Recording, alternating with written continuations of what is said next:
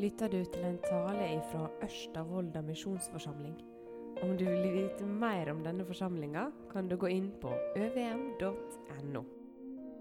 Så eh, har jeg lyst til å ta fram eh, noe som var søndagens tekst for noen siden, eller en av lesetekstene, om profeten Natans ord eh, til kong David. Eh, men eh, jeg kaller det profeten Natans ord i fastetida.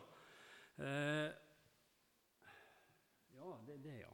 Og det, eh, det har jeg lyst til å dele noe med dere fra den teksten der. Og den finner vi i andre Samuels bok, i kapittel 12. Men vi ber litt videre i lag.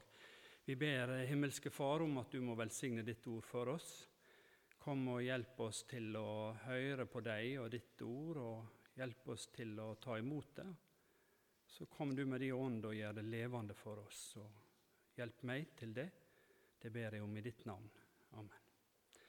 Um, ja, det, er rett bak meg, da, altså. Så.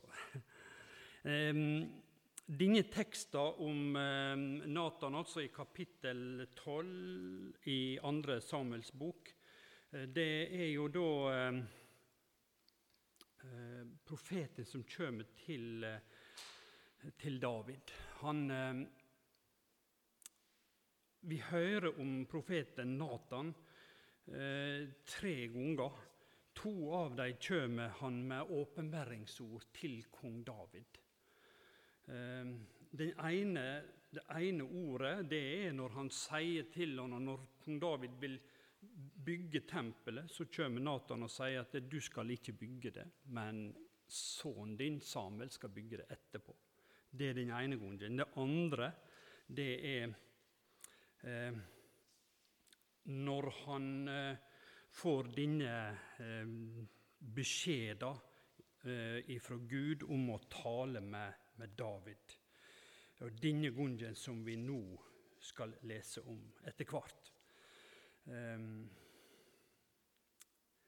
det er et ord til eh, kong David som er veldig personlig inni hans liv. Ehm, og så er det likevel noe som er rett til oss, som har med oss å gjøre, på samme måte enn det har egentlig en beskjed direkte inn i vårt sitt liv. Slik tenker jeg om det.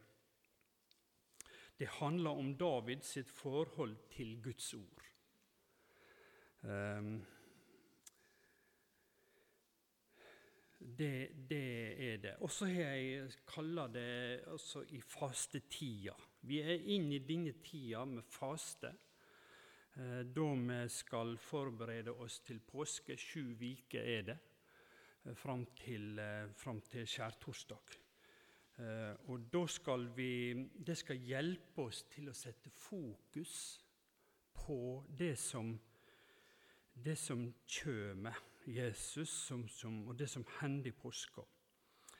Eh, det skal hjelpe oss til å fokusere på det viktigste, stå imot freistinga som fører oss vekk ifra målet. Det skal faste og være til hjelp for. Mange ting i livet drag, vil drage oss vekk ifra det viktige målet. Og Målet i faste det er at det vi skal gå til Jerusalem. Se, vi går opp til Jerusalem. Eh, vi må opp til Jerusalem. Det var Jesus sine, sine ord stadig vekk til læresvein, flere ganger til læresveinene. Vi må dit, det, og det er målet vårt i faste.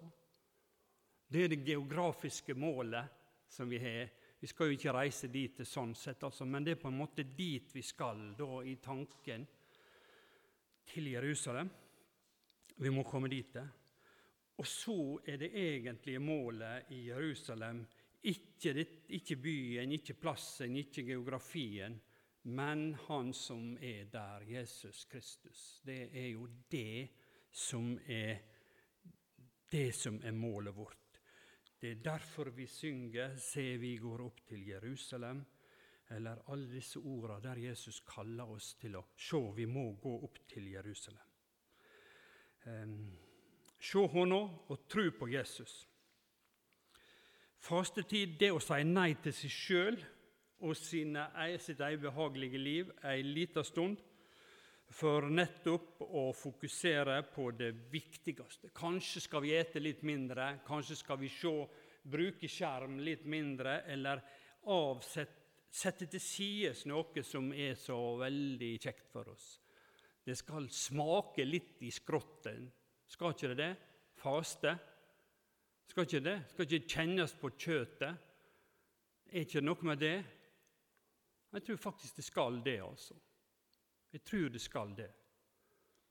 Men det viktigste, og det aller viktigste, det er jo at vi skal, og det skal vi, bruke mer tid på Guds ord og bønn, slik at vi kan, vi kan se tydeligere, slik at vi kan stå imot freistelsen til å leve våre egne liv og heller ha fokus på det viktigste, på Jesus.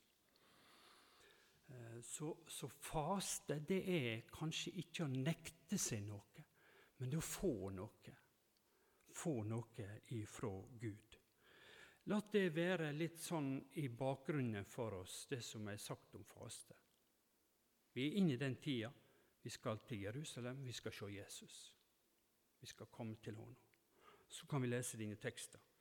Den nå eh, det, blir det rett bak meg. Kan ikke du bare skifte om eh, når jeg så, så, leser jeg bare fra Bibelen. Herren sendte Natan til David. Han gikk fram for kongen og sa:" Det bodde to menn i en by. Den ene var rik og den andre fattig.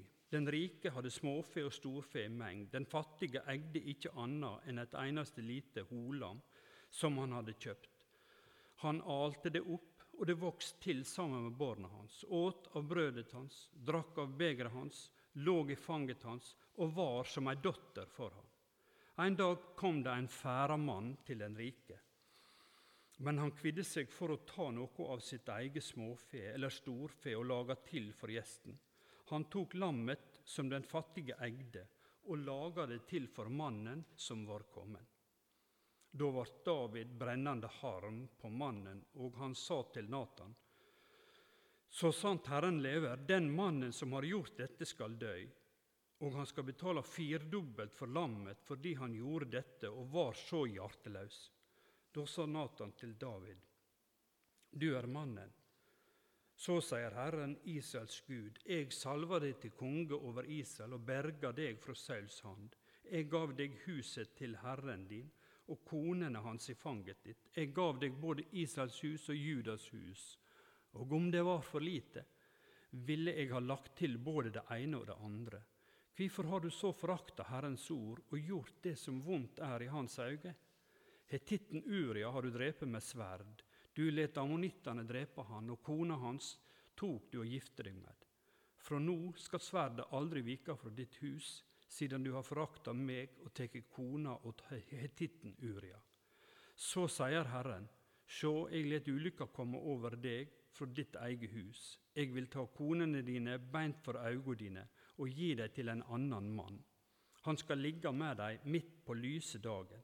Du gjorde de gjerning i løgn, men jeg vil la dette hende for øynene på hele Israel midt på lyse dagen.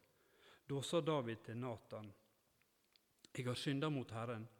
Natan svarer, så har òg Herren tatt bort synda di, du skal ikke dø. Men fordi du gjorde dette og forakta Herrens ord, skal han dø, sønnen din du har fått, sønnen du har fått. Så gikk Natan hjem. Dette er altså etter at David tok, så Batseba og, og, tok henne hjem til seg. Vi husker den fortellinga. Det står om det i kapittel 11 rett før her. Og Så er det altså Natan som kommer, og så bruker han ei fortelling om denne mannen som hadde besøk, og som, som tok og så dømte David seg sjøl. Idet han falt dum over denne rike mannen som tok lammet til den fattige, så sier han egentlig ord over seg sjøl. Um, David han så eh, henne på taket, det står om det. Eh, han eh, kjente seg frista til henne. Han, eh, han så at hun var naken, helt sikkert hun bada. Og han syntes hun var vakker, og eh, han hadde lyst på henne. Og så hørte hun til en annen mann. Eh, men han brydde ikke seg om det. Det var ren sånn kan vi si, kroppslig lyst som dreiv henne, og til, som gjorde at han, han handla slik. Han visste at det stridde mot det sjette båd.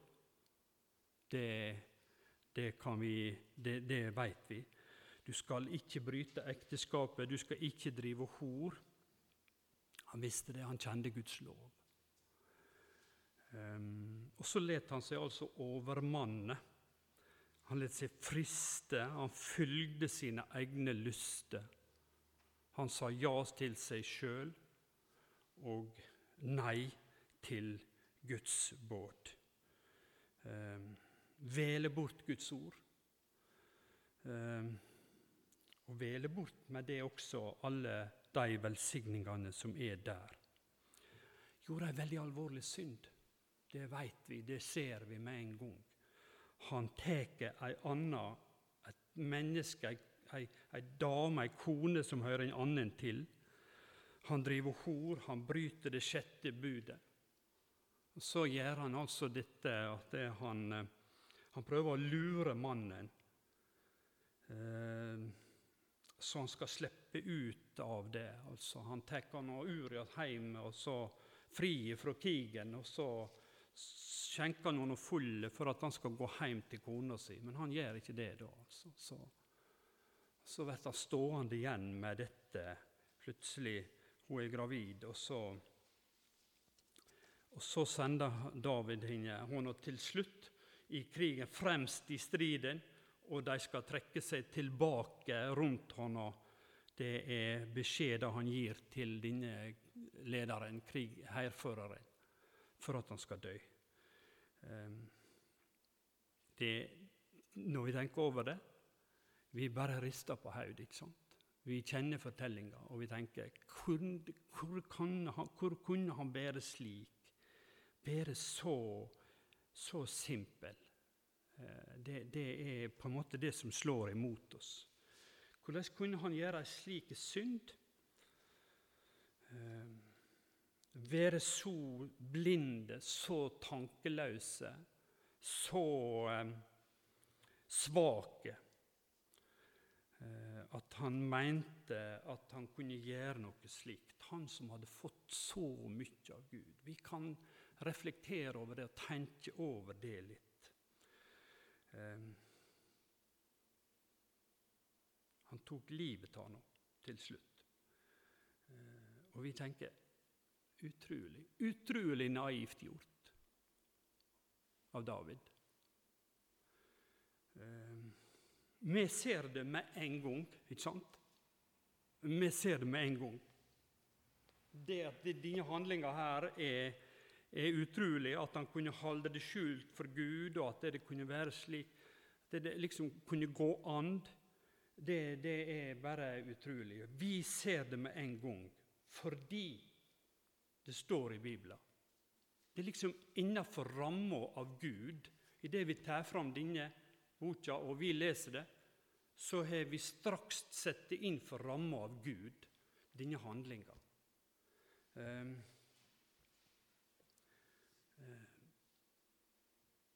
det er helt opplagt for oss. Vi klarer å tolke Davids liv innenfor Guds åsyn fordi det står i Bibelen. Den handlinga som han gjorde. Gud ser alt. Eh, det tenker vi, og vi tenker at du kunne la deg lure. At du kunne tenke at det gikk an å holde skjult for Gud ei synd. Eh, og så er det altså fordi at vi åpner Bibelen og leser det her.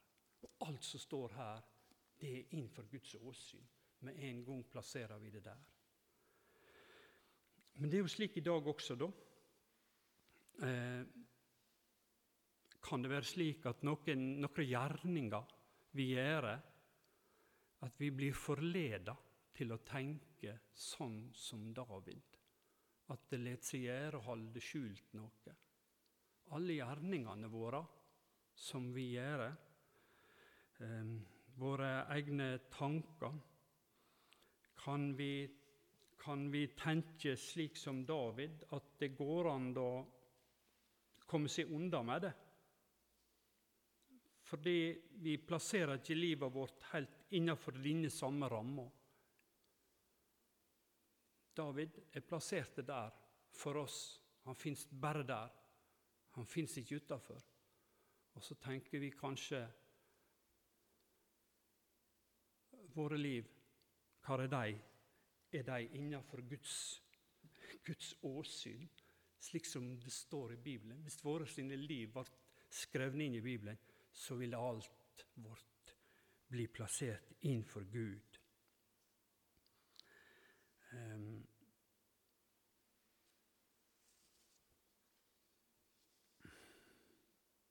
Vi blir lett forblinda. Ehm, vi kan la oss drive av våre egne, eh, vårt eget kjøtt, vårt eget sinn. Vi ser ikke alltid klart. Vi er ikke det. Og Så kom Natan eh, med Guds ord til ham. Du er mannen da sa Natan til David, du er mannen, så sier Herren Israels Gud, jeg salver deg til konge over Israel og berger deg fra Sauls hand. Jeg gav deg huset til Herren din og konene hans i fanget ditt. Jeg gav deg både Israels hus og Judas hus.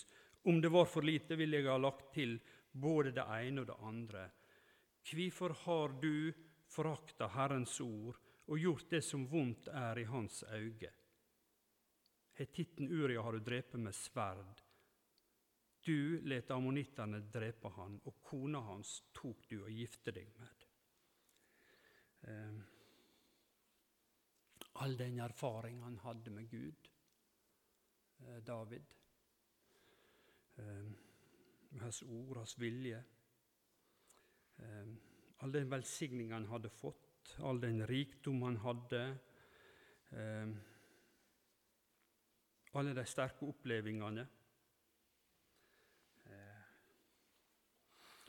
når vi leser Gamle testamentet eh, i lys av Nytestamentet, så er det, er det sånn at alle ting som står der altså, Det får åndelig, en åndelig dimensjon over det. Det er ikke bare historiske fakta det er ikke bare sånn, sier han Knut Alvsgaard, som er i ei lita bok som heter 'Bibelen uten filter'. Um, han er professor på VID i systematikk. Og Han sier at det er alt som er fortalt i Det gamle testamentet, når vi finner når vi leser det i lys av Nytestamentet, så er alle de historiske fakta de er viktige, sier han. Men de er likevel helt underordna. I Nytestamentet så har det en, en åndelig beskjed til oss. Å forakte Guds ord, det har også en åndelig beskjed til oss. Um, mye mer enn hva å ha brutt dette ene bådet, uh, som, som er enkelthandling. David frakta ikke bare dette sjette bådordet, men han frakta i grunnen eh, hele Guds ord hele, og Gud. Han, han tar avstand ifra noe. Uttrykk 'å forakte Guds ord' som står her. Hvorfor har du forakta Guds ord? Det er det Natan sier til ham. Det var det han gjorde, David. Eh, hvorfor har du vraka Guds ord? Ehm, det, kan, det, betyr å gjøre verdiløst, gjøre, å opptre hatig imot det. Å eh, velge å gjøre det vonde i stedet for det gode. Det er Det er det ordet frakte her betyr. Um, velge det.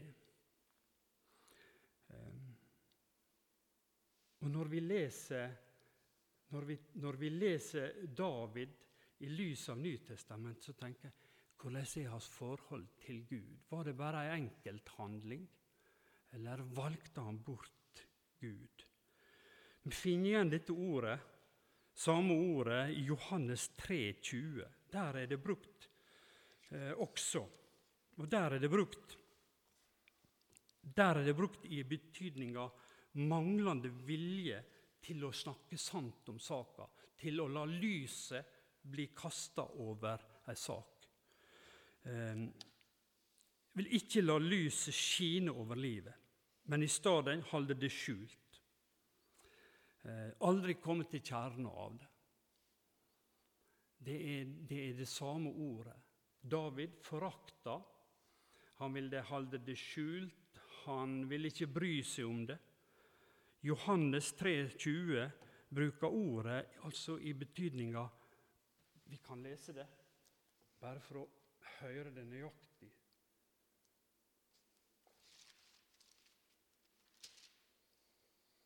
For den som gjør det vonde, den som forakter, der er ordet, hater lyset, kommer ikke til lyset, så gjerningene hans ikke skal komme opp i dagen. Um, Hvis vi ikke snakker sant om ting, så kan vi jo heller ikke be om tilgivelse. Og vi kan heller ikke vite hva som at vi skal be om tilgivelse. Johannes han ber oss om å la ting komme fram i lyset. Eh.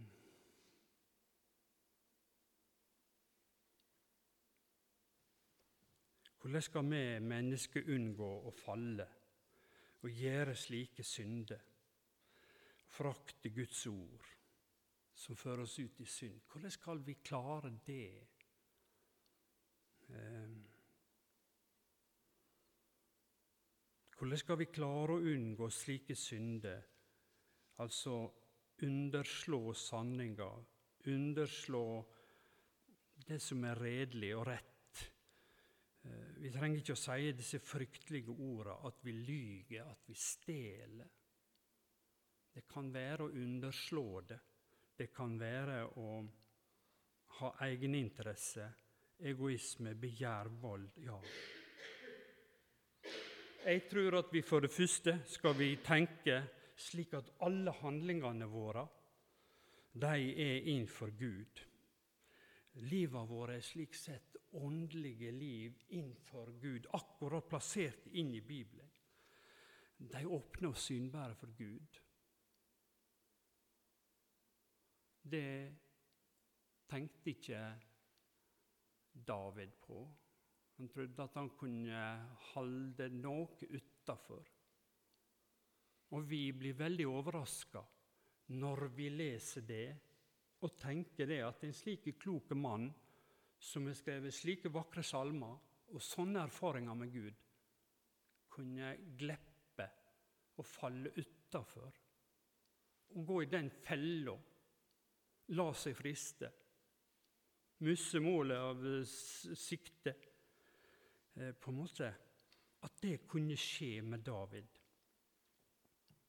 At han kunne gjøre det. Vi ser det med en gang fordi det er plassert i Bibelens ramme våre sine liv er jo på samme måte plassert innenfor Guds åsyn. Sånn sett er, er vi, vi, det, det, er innenfor, innenfor Bibelens ramme. Lat ikke synda vinne over deg, men vinn du over det vonde med det gode, står der. Stå imot freistinga fra din egen kropp, fra ditt eget kjøtt. Kjød alle veit hva det betyr. ikke sant? Alle tror jeg veit hva det dreier seg om her. Det handler om den Veit alle det? Veit vi det? Ja, Det handler om vår gamle natur. Det fins ikke lenger i Bibelen, iallfall i denne her, som jeg har. Og ikke i den forrige heller som var der. I den norsk bibel er den kanskje brukt kjød. Og Det betyr altså den, den gamle natur, den gamle den falne natur, de syndige driftene i oss. Um, Lat ikke det vonde få vinne over deg, men vinn over det vonde med det gode, står det i Romabrevet 12,21. Oppfordringa er veldig klar til oss.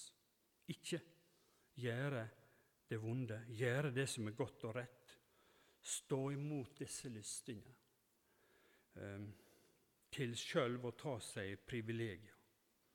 Stå imot det. Stå imot disse freistingene. Vi er altså inne i fastetida. Det handler om å ikke miste målet av sikte, ikke miste Jerusalem, og ikke miste det som skjedde der, ut av, ut av sikte. Um, og freistingene de kjem ifra, ifra djevelen, ifra verden, ifra vårt eget kjøtt. Jakob han taler om dette her. Han sier det sælt er det mennesket som holder ut i freistinga. Når det har stått si prøve, skal det få livsens sigerskrans, som Gud har lova de som elsker Han. Ingen som blir freista, må seie det er Gud som freister meg. For Gud blir ikke freista av det vonde, og sjøl freister han ingen. Alle blir freista av sin egen vonde lyst og lokka av dregen. Siden når lyst er svang, svanger, føder hun synd, og når synd er mogen, føder hun død. Far ikke vil, mine kjære søsken. Så kommer spørsmålet til oss hvordan skal vi berge oss, hvordan skal vi stå imot, hvordan skal vi klare dette? Det er grunnen som akkurat sånn som beskjeden er til oss, som den er til David. Hvorfor har du frakta Herrens ord og gjort det som vondt er i hans øyne? Vi skal lytte til Herrens ord, skal vi stå imot freistinga. Eh, Bibelens ord leder oss. Det må gjelde. Det kjem med liv, det kjem med velsigning til oss.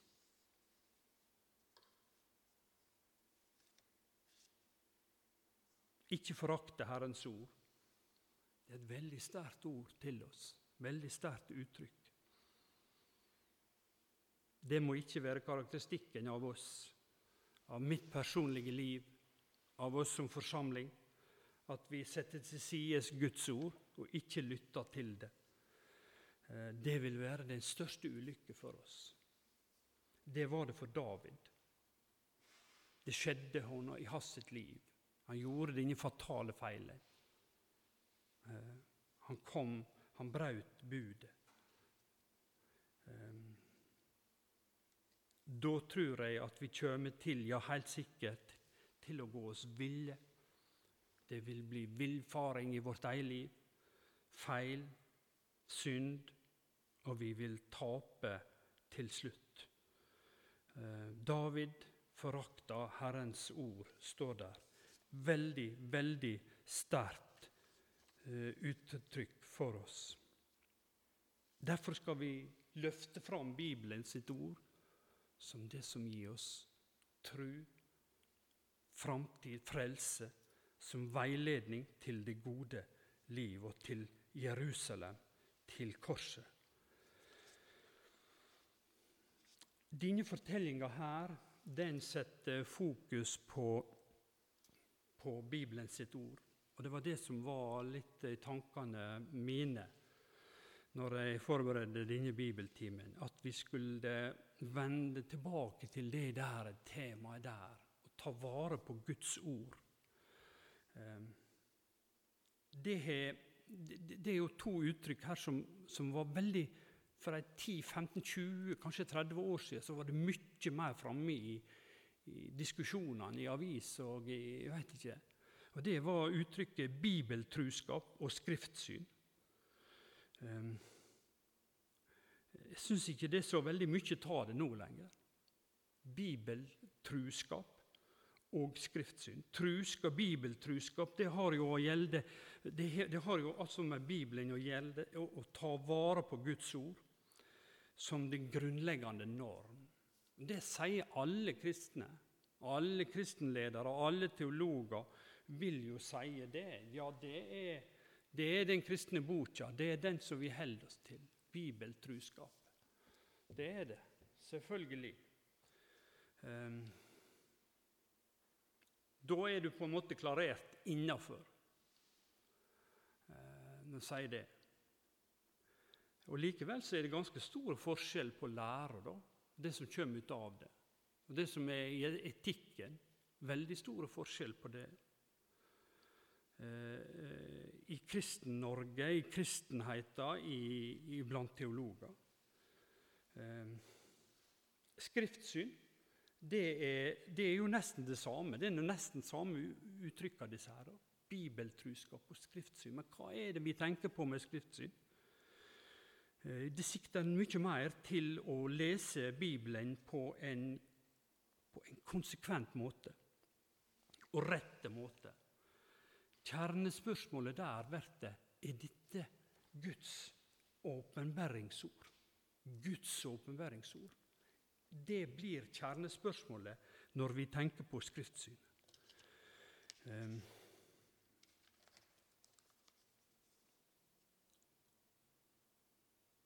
Det er jo også noe som veldig få vil på en måte eh, Vil jo ikke avvise det, altså. Vil jo, ikke, vil jo på en måte holde fast skriftsynet. Men så dukker det opp spørsmålet når du leser det og fortolker Bibelen Kan alt være Guds ord? Kan alt det som står her, være Guds ord, eller kan det være andre ord inniblant dem? Menneskeord. Og Der dukker det opp veldig store forskjeller. Um,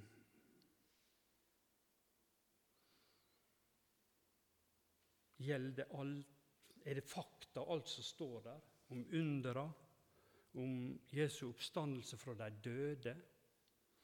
Er det mulig at han ble løftet opp i sky til himmelen? Vil han komme igjen på samme måte? slik som det er fortalt. Kan det være slik det skjer? Det blir problematisert fra veldig mange.